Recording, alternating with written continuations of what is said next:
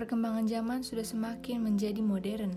Dengan banyaknya beragam pekerjaan di dunia ini, tidak dipungkiri bahwa manusia bisa beradaptasi dengan perubahan yang dialami. Pada aspek kehidupan yang semakin ketat, semakin penuh juga tenaga kerja saat ini. Semakin pula banyak orang yang harus tersingkir karena kalah saing dengan beberapa orang yang sudah memiliki pengalaman.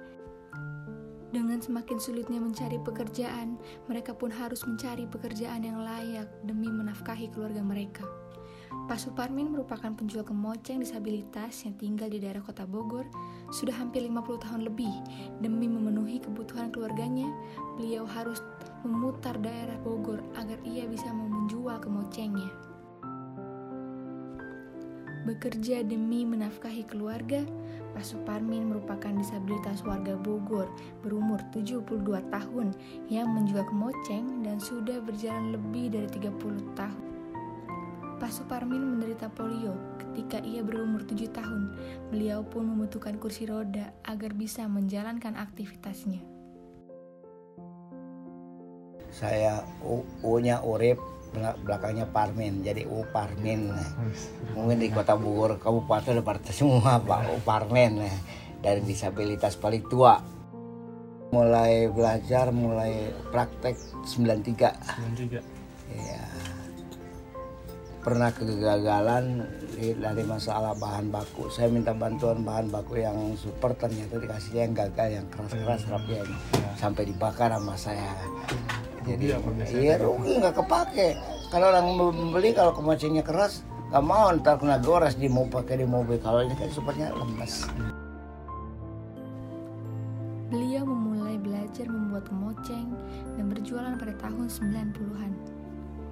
Beliau sempat mengalami kegagalan dikarenakan bahan baku yang dipakai memiliki kualitas yang buruk.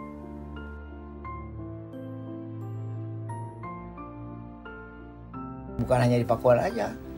Sekota Bogor oh, ada ke Gujir ke Tersarea warung jambu kadang-kadang pulang malam. Jadi nggak tentu ya Pak? nggak nggak benar itu paling kalau hujan derita saya tuh jadi banyak derita saya. Ya. dari suka batin nangis gimana ya cari nafkah. Dari seorang disabilitas kerja berat nggak bisa nggak ada yang nyuruh mungkin nggak berguna bagi kerja-kerja berat atau kasar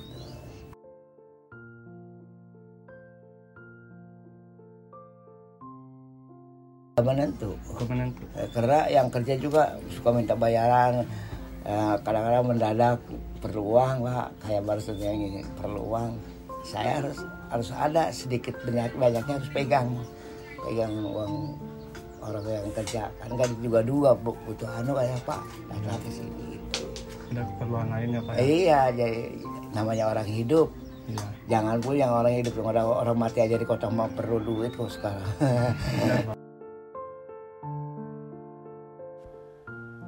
Sebelum berjualan kemoceng, beliau pun mengikuti pelatihan menjahit hingga pelatihan dalam membuat peralatan rumah tangga.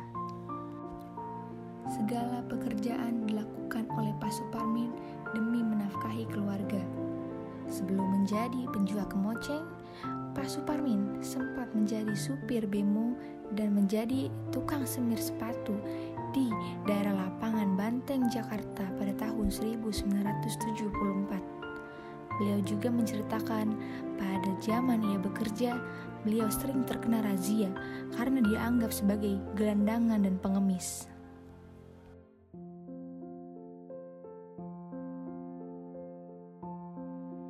Bikin keset bisa, bikin sapu bisa.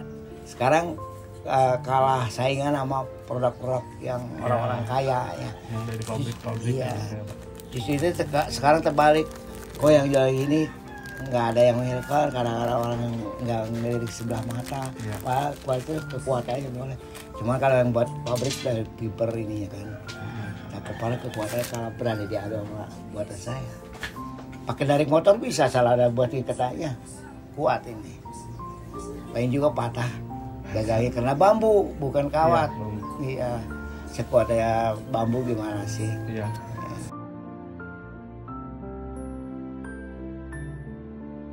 iya. kadang-kadang cukup eh, cukup cukup nggak cukup harus cukup cukup karena harus terima apa adanya. Kadang-kadang laku dua biji dua biji berapa sih? 50 kadang ya laku kadang-kadang ya kadang ada yang ya nawar murah saya jual saya nggak tega ya. Paling kayak satu biji lakunya punya buat ongkos uang lima juga belas ribu mau eh, kasih dari kasih Mama gimana kalau padahal ada itu rugi ya Dalam memproduksi kemocengnya, Pak Suparmin memang dibantu oleh tiga orang tetangganya. Tapi, secara keseluruhan, beliaulah yang harus memproduksi dan menjualnya. Bahkan beliau menggunakan tangannya sendiri dalam memproduksi kemoceng. Dengan membawa kursi roda yang ia pakai, Pak Suparmin biasanya mengelilingi kota Bogor demi menjual kemocengnya. Lalu, bagaimana pendapat orang sekitar tentang kondisi Pak Parmin? Jadi kan gimana ya Bu? Tanggapan Ibu dengan Bapak sekarang ya dengan kekurangannya gitu ya. Gimana Ibu? Apakah khawatir kah dia di luar sana gitu? ya iya. Apalagi kalau hujan dorong sendiri. Nggak ada yang ngedorong gimana?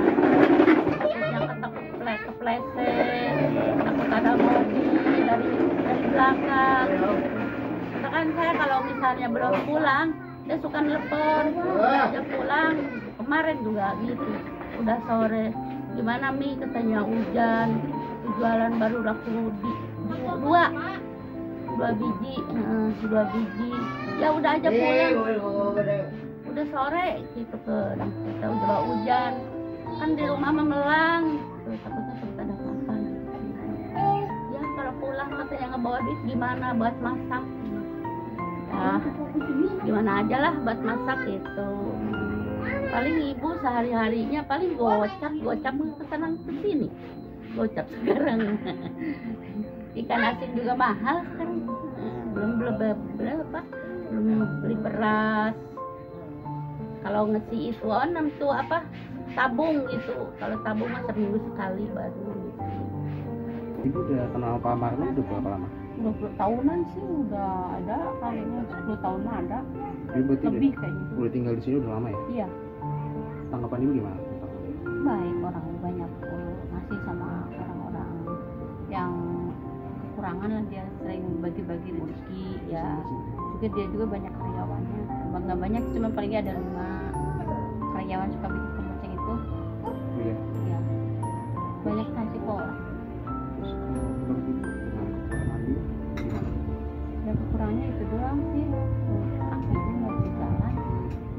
mah bisa jalan cuman lama-lama gitu nggak bisa jalan Dengan jerih payah yang sudah dilakukan oleh beliau, hasilnya pun tidak semaksimal jerih payahnya. Pak Suparmin terkadang harus menerima nasib jika kemocengnya tidak laku.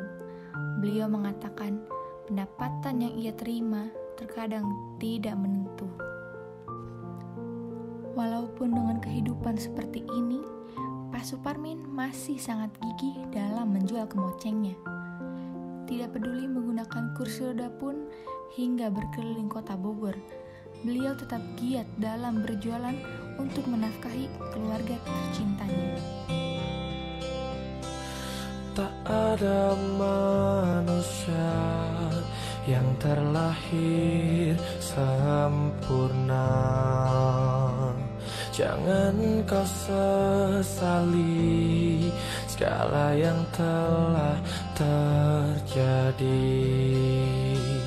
Kita pasti pernah dapatkan cobaan yang berat.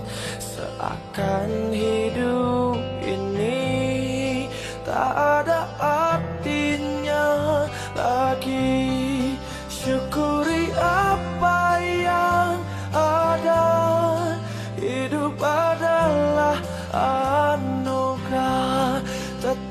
All I need.